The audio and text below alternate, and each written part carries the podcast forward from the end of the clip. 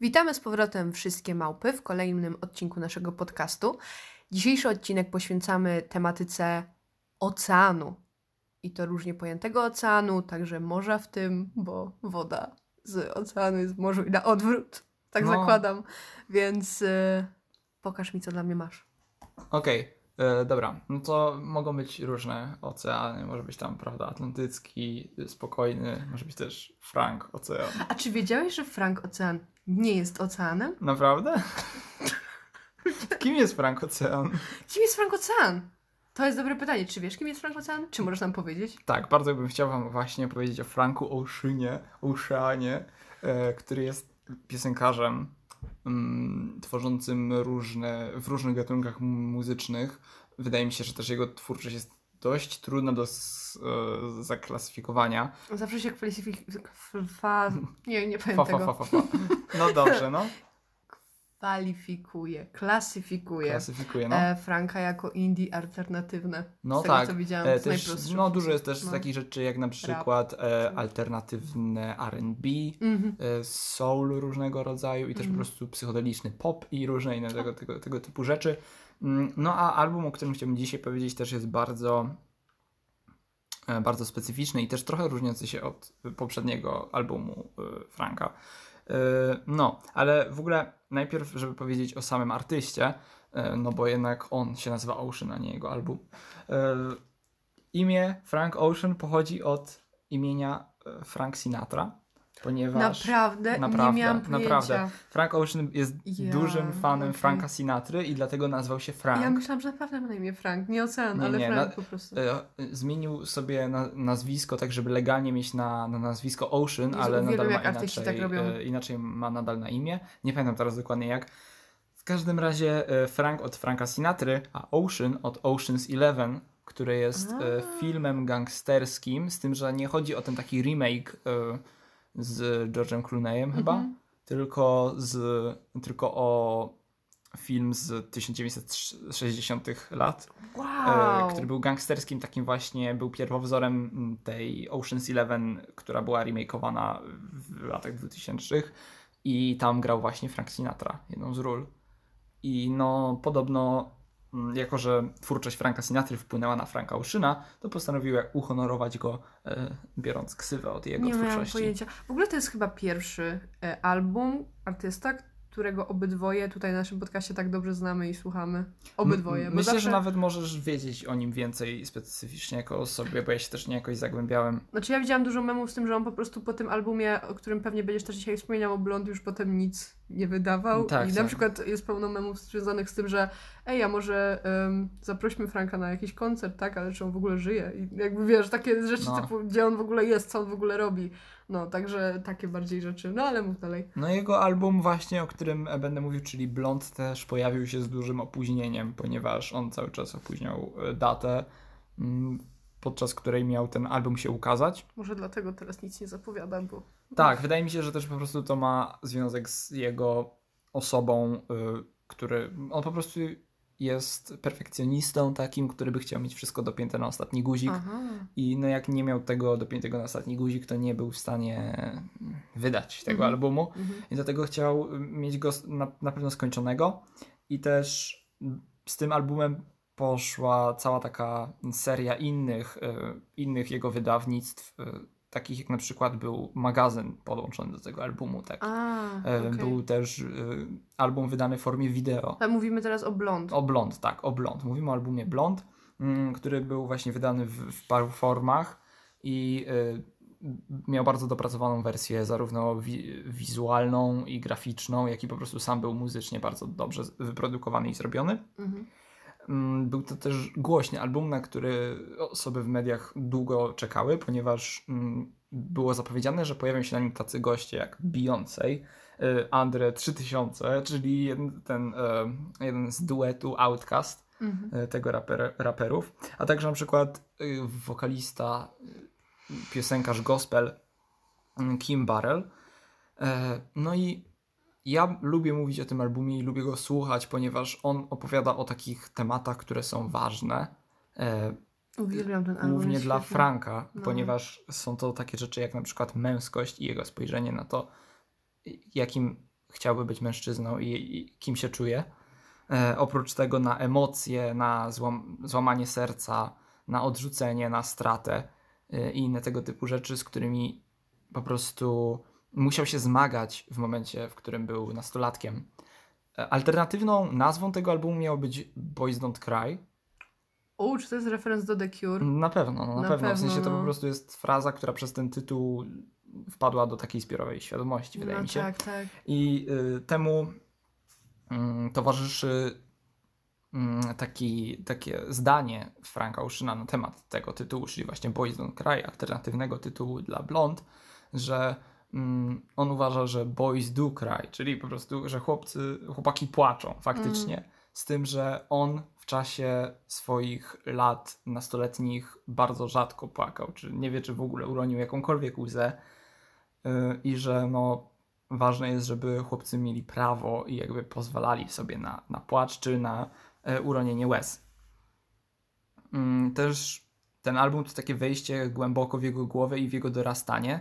I właśnie to mi się kojarzy trochę z takim zanurzeniem się w oceanie, ponieważ rzadko który artysta tak bardzo wpuszcza nas do, swojej, do swojego umysłu i do tego, co faktycznie myśli i czuje, ponieważ często, zwłaszcza jeśli chodzi o tych popowych wokalistów, to wytwórnie mają dużo do powiedzenia o tym, jak powinna dana płyta wyglądać, ale Frank też wypowiadał się, że zdołał przekonać ludzi z wytwórni, żeby pozwolili mu zrobić ten album tak osobisty, jak tylko może być. Mhm. Mm, Sam inspirował się, jak sam powiedział, The Beach Boys i The Beatles, czyli po prostu Mm. tam mm, wydaje mi się, że zwłaszcza e, wpływ The Beach Boys jest widoczny tam mm, na jego albumie, ponieważ dużo jest też takich zharmonizowanych wokali, które tworzą całą melodię.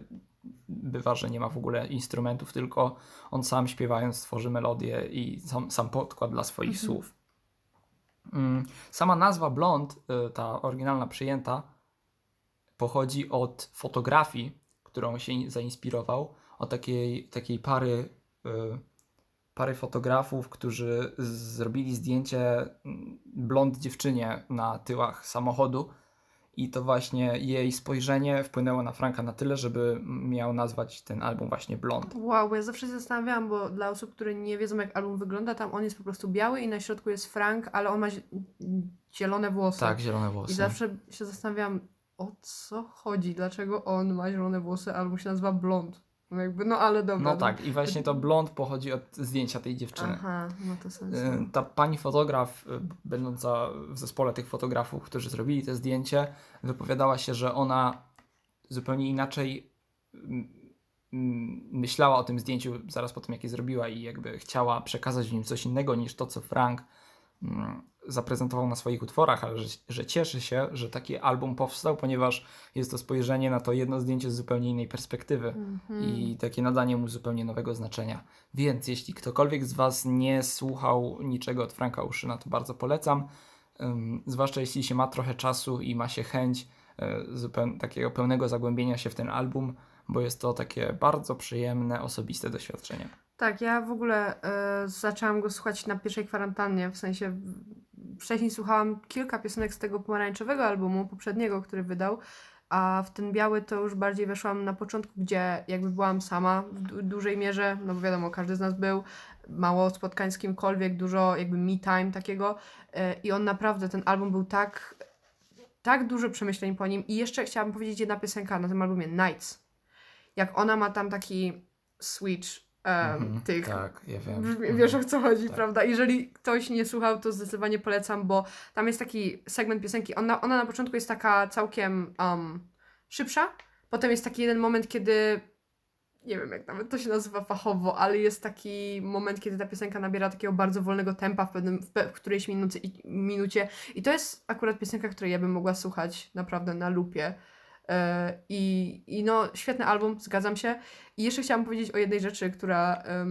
bo ty nie oglądałeś za dużo Vine'ów, Nie, nie, ale dużo. tak, jest taki jeden Vine y, jeszcze z tej ery, kiedy Vine był. Vine to taka, e, jakby ktoś też się nie orientował, aplikacja, która była popularna no jakoś tak w latach 2010-2000, no nie wiem, strzelam 14, coś około, bo ona potem została ściągnięta, usunięto ją jakoś chyba w, około 2016 roku, z tego co pamiętam. E, I potem wszedł, jakby no nie może na miejsce Wajna, ale zaczęło być popularne Musical.ly, które ak- aktualnie jest TikTokiem, więc to jakby taka trochę mini historia tej aplikacji. W każdym razie e, Wajny polegały na tym, że się robiło takie siedmiu bodajże sekundowe filmiki i jednym z tych filmików była, był taki filmik, jak jakaś dziewczyna zawiesiła takiego ziemniaka na lince, na takiej, wiesz, obrotowej lampie, na wiatraku takim obrotowym i zaśpiewała A potato flew around my room before you came i e, to jest referenc oczywiście do jednej piosenki Frauka od, od Oceana i jakby ja nie miałam bladego pojęcia i dowiedziałam się dopiero w tamtym roku i było mi tak głupio, bo znałam ten siedmiosekundowy fragment tego Wajna, ale nie miałam bladego pojęcia, że to jest faktycznej piosenki jeszcze takiego naprawdę, no takiej dosyć osobistej piosenki, a ja po prostu cały czas byłam do dzisiaj, jak włączać ta piosenka i on jest jak, e, co on tam śpiewa w oryginale? A tornado flew around my room before you came. No to ja do dzisiaj śpiewam A potato. Bardzo słusznie, myślę, że zmianą na lepsze. Tak, także e, zdecydowanie polecamy ten album. No i jeszcze mocno. tak, tylko warto dodać, że wcześniej Frank działał w, e, bardzo blisko tej grupy Odd Future, Mhm. em, takiego kolektywu raperów. To już było jakiś czas temu, ale no w tej grupie działali też na przykład Tyler, The Creator czy Earl Sweatshirt, którzy obydwaj są bardzo, mm, bardzo faktycznie takimi raperami, którzy teraz są, mają ogromną publikę Mhm. i są bardzo doceniani przez krytyków, przez, przez publiczność i po prostu mm, wszyscy lubią ich słuchać.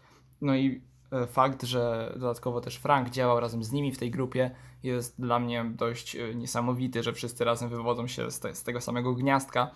A też dla mnie jest niezwykłe to, że wszyscy też przeszli długą drogę od tego, gdzie byli w Odd Future, która była takim dość gniewnym, em, młodocianym rapem o takich, e, którzy, takim po prostu kolektywem raperów, którzy gniewnie rapowali o różnych nieprzyjemnych sprawach.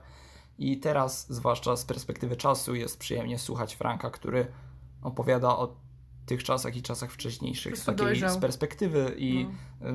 mając nowy wzgląd w samego siebie. Tak. I też album cały chyba opowiada taką jedną wielką historię. W tak, sensie to jest, konce- to jest na- album właśnie koncepcyjny Tak, i to też i to się przez to super się słucha. super słucha No. ciągiem. Dokładnie. No dobrze, także zostajemy w temacie oceanu oczywiście, ale nie do końca, ponieważ ja będę mówić o obrazie i pewnie spodziewasz się, o który obraz mi chodzi. No, nie, naprawdę, możesz dawać. Tak? Nie, nie. Chyba, że. O dobra, daj, strzela, strzela, strzela. Y, Wielka fala. Tak. O, udało się. Właśnie, bo zastanawiałam się, co dać do tego tematu, bo szczerze na początku nie, nie przychodziło do głowy, ale potem się zorientowałam, że u mnie na ścianie wisi Wielka Fala, która jest bardzo, bardzo popularnym obrazem i chciałabym troszeczkę o niej opowiedzieć, bo em, oprócz bycia, no już at this point po prostu edgy e, obrazkiem w internecie, który naprawdę poszedł na masową skalę i jest z tego em, milion koszulek, jest z tego milion, jest nawet emotka, która jest wzorowana na tej fali. No ale o co chodzi? Chodzi o, al, e, chodzi o obraz The Great Wave of Kanagawa od Hokusaya, czyli japońskiego artysty. E, No nazywa się to The Great, Gre- The Great Wave, czyli Wielka Fala, ale tak naprawdę jakby właściwe przetłumaczenie z japońskiego, bo to jest japoński artysta, to Under the Great Wave of Kanagawa, czyli pod.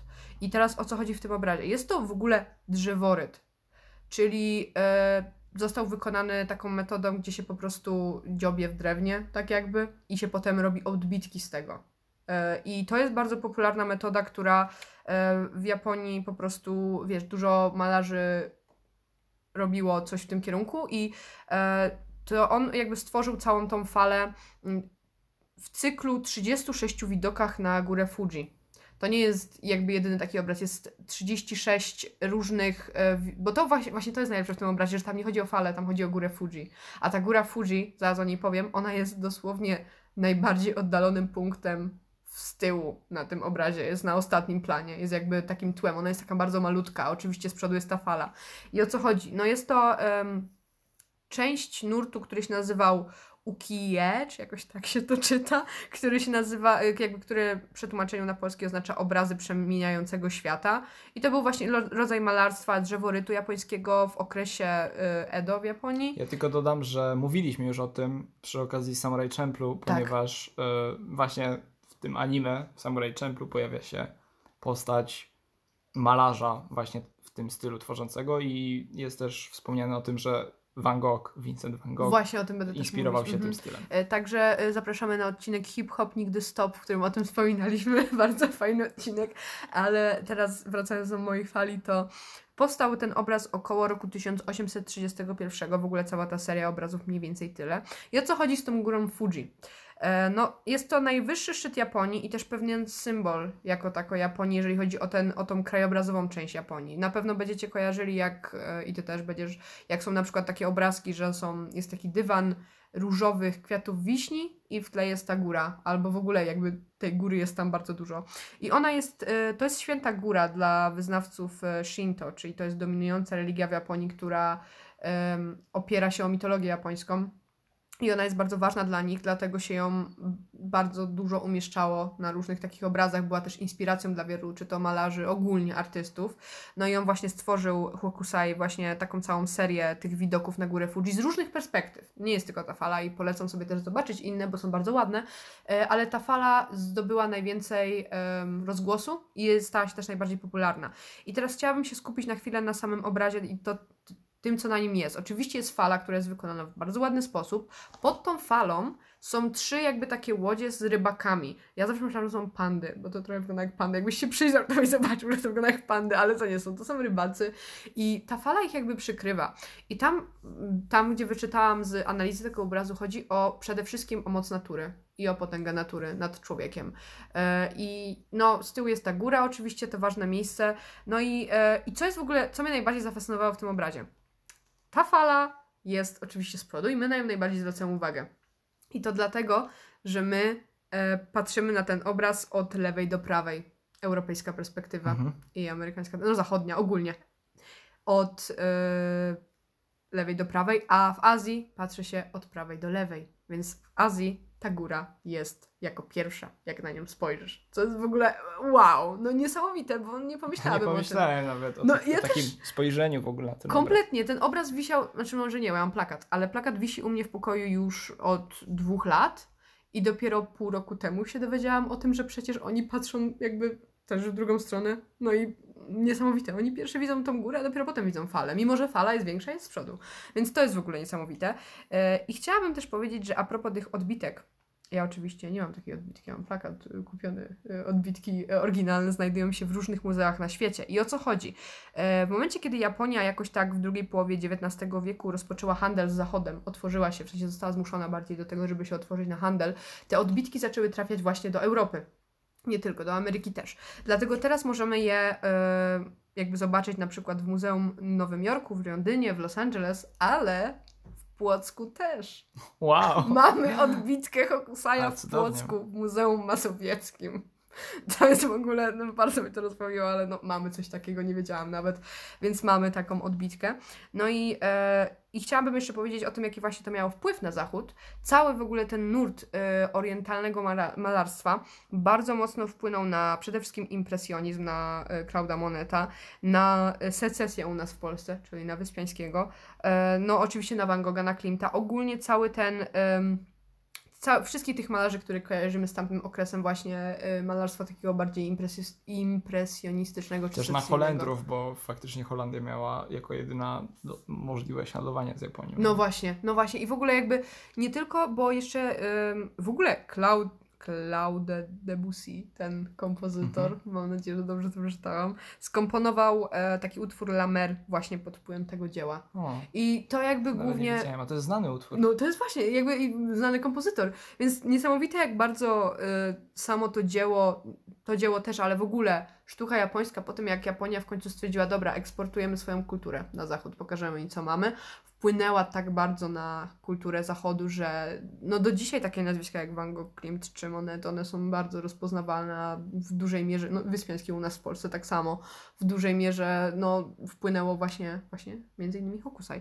Więc o tym chciałam Ci powiedzieć. Uważam, że fajne backstory ma ta, ten cały y, obrazeczek i ładny jest też. Jest bardzo ładny, no i jakby istnieją powody, dlaczego jest wykorzystywany tak komercyjnie Tak. często. Dokładnie. O, ale ja tylko powiem od siebie ciekawą historię mm, z życia wziętą, że kiedy ja pierwszy raz dostałem jakąś taką książeczkę dla dzieci, ym, może nie dla zupełnych dzieci, ale taką pierwszą informującą o sztuce i w ogóle podającą jakieś przykłady mm, obrazów, żeby po prostu zachęcić młodsze osoby do e, zainteresowania się sztuką, to największe na mnie wrażenie z tych wszystkich obrazów e, sprawiła ta właśnie fala, wielka fala.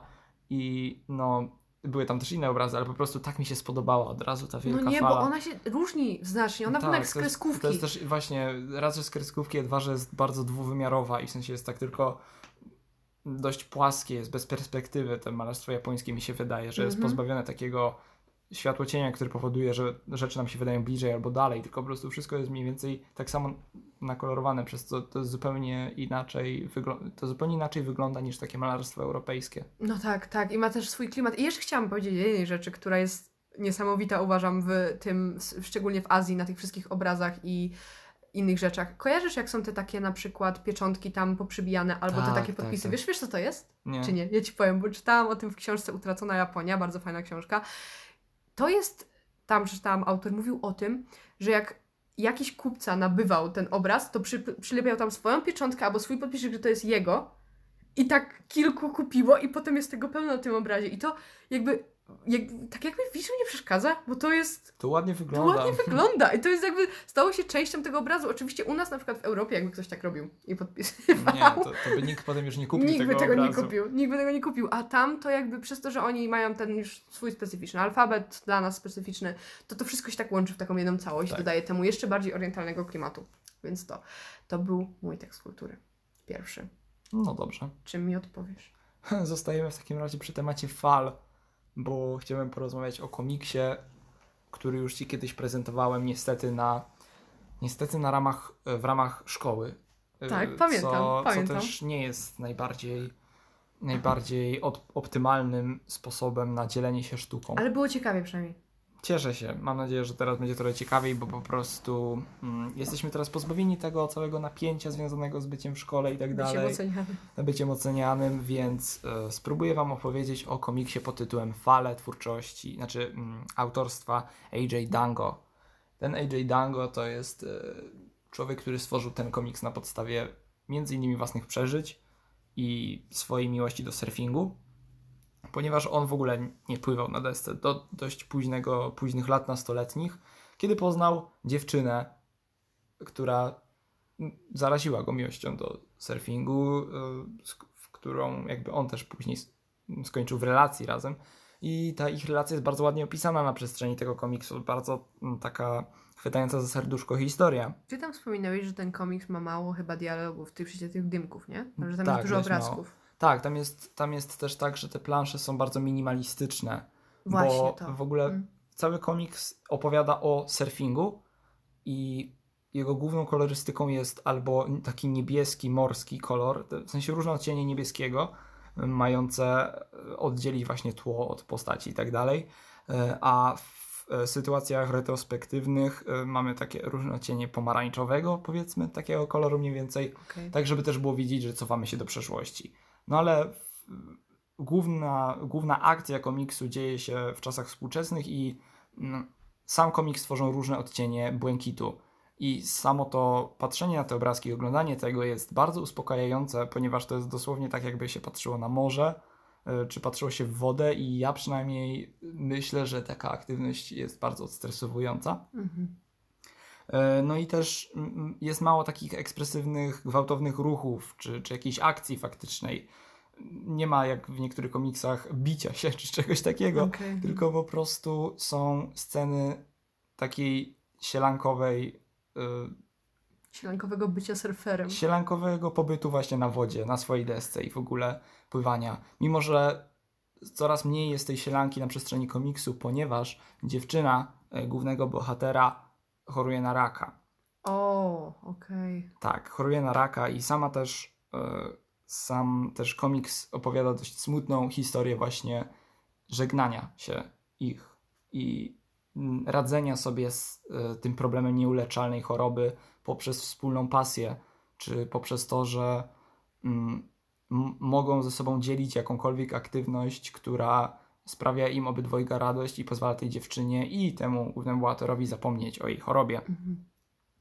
Jednak w, w, e, w tą historię bardzo sprytnie wplecione są elementy historii surfingu. Ponieważ surfing został wynaleziony przez rdzennych mieszkańców e, Hawajów, Polinezyjczyków, którzy y, na długo przed przyjazdem Europejczyków próbowali ujeżdżać fale na deskach wyciosanych po prostu prostych to jest niesamowite, po prostu stwierdzili, dobra, weźmy deskę i, Tak, to i u- i uciekajmy przed falami, żeby nas Dokładnie. nie zabiły. no w sensie dosłownie robili to tylko dla, dla, Adrenaliny. dla, dla adrenaliny, dla fanu i w ogóle. Mm, I no z tym, że z przyjazdem Europejczyków na pewien czas ta, ta, to, ta pasja zniknęła z, Ale z czy ktoś Hawajów. jest zdziwiony? Nie, nikt nie jest zdziwiony. Wróciła dopiero później, kiedy Europejczycy zapragnęli poczuć ten klimat e, kultury polinezyjskiej i pojawili się e, tacy właśnie chłopcy z plaż, którzy mieli oprowadzać różnych e, ludzi, przyjezdnych turystów europejskich po, po Hawajach. Ym, Oni robili takie rzeczy jak na przykład pokazy skakania ze statków europejskich do wody, no a te statki były jednak dość wysokie, znacznie wyższe niż te statki, niż te statki poli, polinezyjskie. Mhm. I oni skakali z samej góry i na przykład łowili e, perły, które upuszczały te e, białoskóre panny z tych, e, Aha. z, tych, z tych statków i oni na przykład wyławiali jakieś rzeczy i przynosili. No i w ten sposób odrodziła się też kultura surfingu, ponieważ Europejczycy y, bardzo byli zafascynowani widokiem tych ludzi ujeżdżających fale i mm, okiełznujących ocean na własną rękę bez pomocy parowych statków, do czego Europejczycy byli do tej pory przyzwyczajeni. Mhm. Mm, No i jednym z takich pierwszych surferów, o którym w tym komiksie AJ Dango wspomina, jest Duke Kahanamoku. Bardzo fajne imię. E, Jest to olimpijczyk, który wygrał m.in. złoty medal w, e, z pływania w Sztokholmie, ponieważ on przez cały czas żył sobie na tych Hawajach i jego talent był trochę ukryty przed światem. E, Wtedy już Hawaje były amerykańskie. Mhm. Mm, No i on pływał sobie i potem dopiero ktoś go zobaczył i o kurczę, ten facet pływa lepiej niż nasi mistrzowie kraju w pływaniu. E, Więc Duke potem mm, reprezentował Stany Zjednoczone A. na olimpiadzie w pływaniu. Skorzystał przy tym mm, z okazji do rozpropagowania surfingu na świecie. Robił pokazy w Europie, y, we Francji między innymi. Oprócz tego potem zamieszkał w Kalifornii, która teraz jest y, takim, taką stolicą surfingu. No. Y, I tam surfował i pokonywał fale. Kolejnym takim człowiekiem jest Tom Blake, czyli taki samotnik, który urodził się w ogóle w Milwaukee, które jest... Milwaukee to jest stan na... Z tego co pamiętam, mniej więcej na północy Stanów Zjednoczonych, bliżej. Tak, Wow. Nigdy nie pomyślałabym, że jest taki stan. W sensie nie brzmi jak taki, bo wiesz, my kojarzymy te takie najbardziej popularne stany. Tak, Milwaukee. Okej. Nie jestem pewien, czy to teraz nie miasto? No dobra. No dobrze, w każdym razie. Nie, nie musimy znać wszystkich stanów w Ameryce. Nie Ważne, musimy. że wiemy, z kim sąsiadujemy. Nie Amerykanie, którzy myślą, że Kanada jest w Europie. Dobra, e, w każdym razie z, jest no. z Milwaukee, em, które jest e, właśnie em, bliżej, e, bliżej wschodniego wybrzeża, przez co też jest w ogóle od, nie, nawet nie styka się z morzem. Jest, nie jest miejscem, w którym ktokolwiek by surfował w każdym razie. Mhm. I Tom Blake e, wyruszył w podróż przez cały kraj, przez to, że e, został zainspirowany filmem w kinie o e, właśnie mm, o właśnie surfingu. I ten film w kinie spowodował, że mm, że pojechał i e, postanowił przenieść się do Kalifornii. Sprawdziłam Mhm. na szybko. E, Milwaukee, miasto w... Największe miasto. Więc tu jakby widzę, że to pomyliłeś dlaczego. W Wisconsin. A, w Wisconsin, okej. Dlatego Z nazwa brzmiała Milwaukee tak też jest klub NBA i też myślałem, że to jest nazwa stanu. Ale a- już e, wszystko obcykane. No dobrze, w takim razie z, z miasta. Milwaukee. Dobrze, to nie jest ważne. W każdym razie ważne jest to, że Tom Blake wynalazł profesjonalną, nowoczesną deskę y, surfingową, ponieważ te deski, które stosowali y, Polinezyjczycy, by, były takie toporne, ciężkie i ciężko się na nich Czekaj, pływało. czy on wynalazł tą taką deskę z tym takim małym cypelkiem jak u rekina? Z mieczem. To się nazywa miecz? Tak, to się nazywa Wow, miecz. To się też okej. na żaglówkach nazywa miecz, A, bo to jest, to jest po prostu rzecz, która Żegluje. powoduje, która powoduje, że statek, kiedy poruszacie się na prawo czy na lewą, się nie przewraca, bo po prostu ma lepszą wyporność i równowagę. Dobra, ale czy on to tam dodał? Tak, A, on, wow. on to wynalazł tym mieczem, e, spowodował, że deski były wydrążone w środku i w ogóle. No i takie właśnie postaci są przedstawiane nam w komiksie Fale, no ale dla mnie nadal sama mm, historia relacji tego AJ Dango z dziewczyną, y, z jego dziewczyną jest y, najpiękniejsza i najbardziej, naj, najładniej pokazuje tą jego miłość do surfingu, Mhm. ponieważ jako ta ich wspólna pasja, którą dzielili sobie, e, dzielili ze sobą na dobre czy na złe, mówi do mnie bardziej niż jakakolwiek historia Duke'a Kahanamoku czy Toma Blake'a, mimo że również są tam bardzo ciekawie przedstawione. W każdym razie polecam komiks Fale. E, też wizualnie, optycznie bardzo estetyczne doświadczenie. Dobra, zostajemy przy surferach. Najlepiej. znaczy nie do końca przy surferach, bo trochę przy syrenkach. Ale y, może zacznę. Będziemy w Australii, więc też w takim, myślę, miejscu kojarzonym z surferami w dużej mierze. Y, I o co chodzi? Ty nie oglądasz. Jakby pamiętam, że po prostu nigdy nie byłeś osobą, która oglądała te wszystkie seriale młodzieżowe na. Disney Channel czy na innych tego typu. Ja wiem, ja wiem co nadchodzi. nadchodzi do ciebie H2O, wystarczy kropla. ale posłuchaj mnie, jakby masz bardzo zażenowaną minę teraz, ale ja ci wytłumaczę o co chodzi. Więc bardzo ciekawa, zaciekawioną. Na pierwszej kwarantannie podjęłam się ponownego oglądania H2 Wystarczy Kropla, przez to, że cały jest na YouTubie, ale oprócz tego jest też na Netflixie. Tylko, że na Netflixie jest z dubbingiem wznowionym, a ja wolałam ten dubbing, który pamiętałam za dziecka, więc po prostu stwierdziłam, że obejrzę sobie na YouTubie. Plus oglądałam z moją młodszą siostrą, która nigdy tego nie widziała, bo jest y, prawie 10 lat młodsza, więc no nie jej czasy. Ale y, chciałam Ci o tym opowiedzieć, bo perspektywa z której patrzyłam na ten serial teraz, w porównaniu z tym, jak byłam mała, zupełnie się zmieniła. I też uważam, że był to jeden z lepiej zrobionych i przemyślanych fabularnie seriali, jakie wtedy były na on, on nie był na Disney Channel, on był akurat na Jetixie. Teraz Jetix został zamieniony na Disney XD, więc teraz jest Disney no właśnie, XD. Jetix już jakiś czas temu zleciał z rowerka. Zleciał z rowerka, ale był bardzo fajny i bardzo fajne bajeczki tam leciały i potem przez jakiś czas też... Sonic Jeż tam leciał. Sonic Jeż tam leciał, no i leciał. No, no. I to całkiem fajnie się oglądało. Ale yy, no Potem już zamieniony został na Disney XD i do dzisiaj jest Disney XD i tam potem też kontynuowano, kontynuowano wydawanie tego serialu, ponieważ ma on trzy sezony. E, I teraz wytłumaczę Ci o co chodzi. Serial jest to mm, klasyfikowany jako fantasy teen drama, dlatego że jest właśnie o syrenkach. E, I e, oprócz tego jest z Australii i był nagrywany na Gold Coast czyli bardzo, bardzo australijsko tam jest. Jest mhm. dużo surferów, jest dużo chodzenia na plażę, jest dużo delfinów też przede wszystkim, bo jedna bohaterka ma pracę w delfinarium, więc to jest w ogóle bardzo ryzykowne dla niej, ale zaraz Ci powiem dlaczego. E, I e, został, wydawany był ten serial tak w oryginale, nie, w Polsce nie wiem, ale w oryginale był 2006-2010 rok, dawno temu. E, I teraz o co chodzi? Mamy fabułę, z, która się opiera na tym, że są trzy główne bohaterki: Emma, Clio i Ricky. I te trzy główne bohaterki pewnego dnia, wszystkie trzy przez przypadek, nie powiem ci, jakby możesz sam będziesz oglądał kiedyś, yy, albo nie, trafiają na wyspę Mako, która jest taką tajemniczą wyspą oddaloną o jakieś, nie wiem, pół godziny motorówką od ich yy, miejsca zamieszkania i na tej wyspie jest pełnia księżyca akurat wtedy, kiedy one tam trafiają. I wszystkie wchodzą, one jakby przez przypadek e, zjeżdżają do takiego małego wulkaniku, który jest na tej wyspie, gdzie jest takie bajorko małe z wodą i ta, ten księżyc, jak on jest w pełni, to ten wulkanik tą, ten światło księżyca jakby rzutuje na, na, ten, na to bajorko i ono jest takie magiczne i klimatyczne. I one tam wszystkie trzy wchodzą, zwiedzione przez światło księżyca do tego bajorka, żeby się wydostać z, te, z tej wyspy, bo nie wiedzą jak inaczej. I w tym momencie zamieniają się właśnie w syrenki. I co się dzieje dalej? Okazuje się, że oprócz bycia syrenkami, e, o, w ogóle, jakby to się nazywa H2O, wystarczy kropla, bo wystarczy jedna kropelka wody i one już się mogą zamienić w tą syrenkę. Ale mogą, nie muszą. Muszą. Zamieniają muszą. się, tak. Wystarczy, że dotkną wody, dlatego potem mają takie problemy, że na przykład jak myją naczynia, to muszą zakładać rękawiczki jak gumowe. Wodę?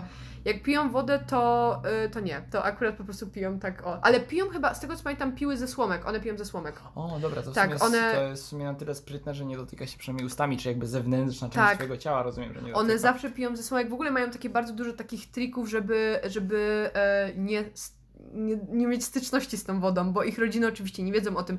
Jedna, jedyna osoba wie o tym z zewnątrz i jest to przyjaciel e, jednej z bohaterek, e, Clio, z którym potem ona ma wątek romantyczny, nawet co uważam, że był super, bo ten przyjaciel był takim nerdem, on był takim, wiesz, naukowcem, dobry w, w naukę i tak dalej i on badał o co chodzi z tą wyspą Mako, dlaczego one się zamieniły w syreny, wiesz, był takim, no naprawdę pomagał im mocno i w ogóle. Ale o co chodzi też z A tym... to jeszcze tylko powiem, mm -hmm. że mhm. dobrze, że nie, że nie były na stałe tymi syrenami, bo wtedy na przykład musiałyby tak ten swój ogon włożyć w jedną nogawkę spodni, a w drugą wsadzić taką sztuczną nogę i tak próbować chodzić. Albo na przykład, ale też gruba byłaby ta noga stworzona z ich ogonu, więc też nie wiem, jakby to do końca działało. Tak, plus jeszcze jak zamieniały się w te Ale Aladynki by mogły nosić. Mówisz? Znaczy, omijasz jeden punkt, że one się nie umią utrzymać jak stoją na tym ogonie, tylko upadają, jakby that's the point of it. Ale, ale co było fajne, jak Emma zafarbowała, jedna z bohaterek zafarbowała sobie w jednym odcinku włosy na czerwony, to oczywiście zamieniła się w syrenę, bo miała styczność z wodą z zewnątrz. A, no tak. I potem miała te czerwone włosy tylko jak się zamieniała w syrenę. O, No, jakby to było bardzo, bardzo fajne. Ona je potem zmieniła, ale jakby e, fajny odcinek. No ale wracając, oprócz bycia syrenką, dostały także w pakiecie dzięki księżycowi supermoce. Wszystkie trzy. I o co Miło. chodzi? Miło, bardzo miło ze strony księżyca. Yy, I teraz tak, jedna z nich, Emma, ma moc lodu, czyli zamraża. One wszystkie te moce są związane z wodą. Druga Riki ma moc ognia.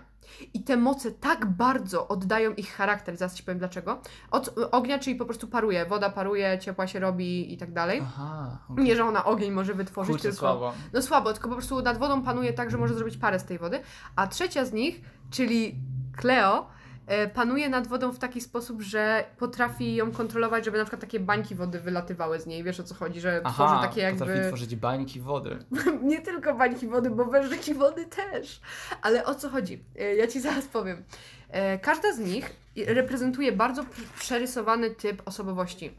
Co mnie najbardziej jakby w tym wszystkim fascynuje, to to, że ich charaktery w pewnym sensie też reprezentowane są przez ich moce.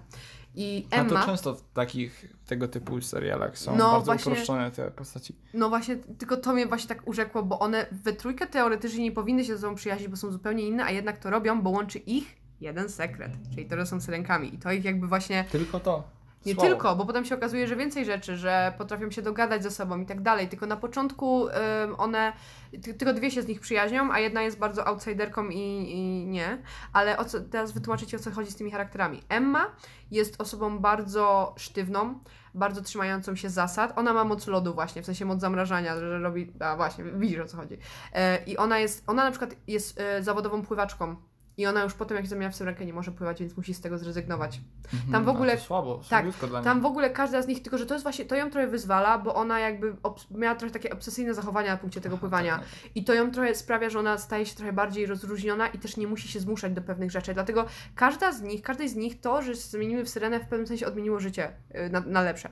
Druga z nich to Clio, która ma moc panowania nad wodą. To akurat jeszcze nie wiem, jak się łączy z jej charakterem, ale ona jest bardzo nieśmiałą osobą, bardzo strachliwą. Ona się boi wody. To jest to, co ona musi zmienić. Ona nie lubi pływać. I ona przez to, że jest syreną, zaczyna kochać pływanie i pływanie staje się dla niej, wiesz, jako syrenka staje się dla niej takim rzeczą, która ona robi, jak się na przykład zestresuje, to ona płynie na Tomako i sobie tam odpoczywa.